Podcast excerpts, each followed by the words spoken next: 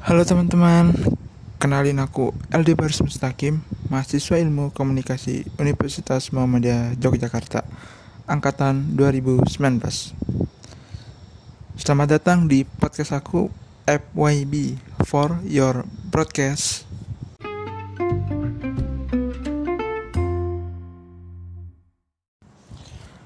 Di kesempatan kali ini aku akan membahas tentang lembaga penyiaran yang ada di Indonesia.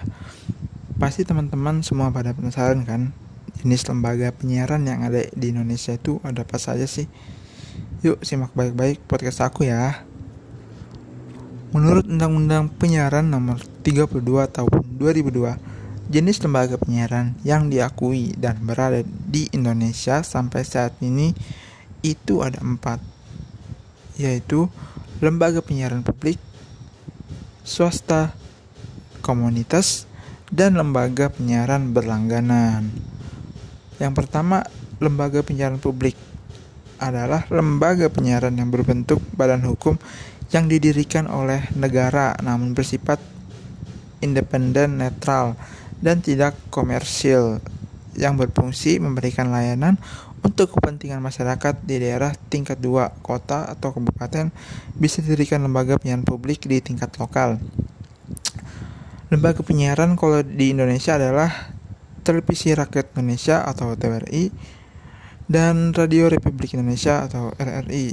Yang selanjutnya adalah lembaga penyiaran swasta yang bersifat komersil berbentuk badan hukum Indonesia yang usahanya hanya menyelenggarakan penyiaran radio atau televisi. Warga negara asing tidak boleh untuk menjadi pengurus lembaga penyiaran swasta kecuali di bidang keuangan dan bidang teknik. Dalam pasal 18 Undang-Undang Penyiaran disebutkan adanya hal yaitu pembatasan terhadap kepemilikan silang atau cross ownership yang menyatakan pemusatan kepemilikan dan penguasaan lembaga penyiaran oleh satu orang atau satu badan hukum baik satu wilayah siaran maupun beberapa wilayah siaran dibatasi. Selanjutnya, kepemilikan silang lembaga penyiaran swasta yang menyelenggarakan baik penyiaran radio dan penyiaran televisi apa pun yang berkaitan dengan swasta baik secara langsung maupun tidak langsung itu dibatasi. Hal ini bertujuan untuk mencegah terjadinya pemusatan kepemilikan silang. Bahwa penyiaran menggunakan frekuensi publik karena frekuensi publik maka harus ada dua diversity yaitu diversity of content, keberagaman konten dan yang kedua adalah diversity of ownership atau keberagaman kepemilikan lembaga penyiaran swasta. Ini mendapatkan biaya produksinya berasal dari siaran iklan dan atau usaha lain yang sah yang terkait dengan jasa penyelenggaraan penyiaran bentuk bentuk ketiga dari lembaga penyiaran.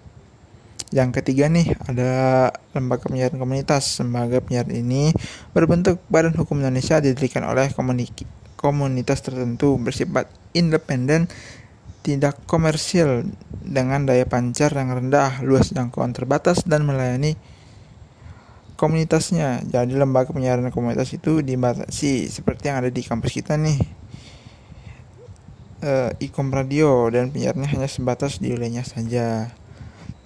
Tidak boleh mencari laba atau untuk keuntungan semata karena pada dasarnya adalah untuk mendidik dan memajukan masyarakat mencapai kesejahteraan dengan melaksanakan program acara yang meliputi budaya pendidikan, informasi yang isinya adalah menggambarkan identitas bangsa.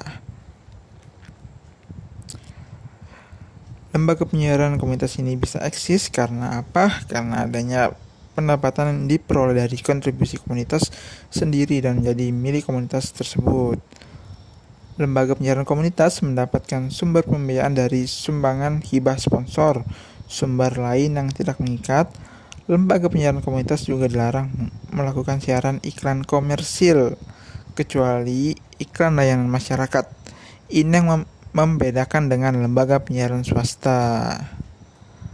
Dan lembaga yang terakhir nih adalah lembaga penyiaran berlangganan, yaitu lembaga yang berbentuk badan hukum Indonesia yang tidak bisanya menyelenggarakan jasa penyiaran berlangganan dan wajib terlebih dahulu mendapatkan izin penyelenggaraan penyiaran, penyiaran berlangganan.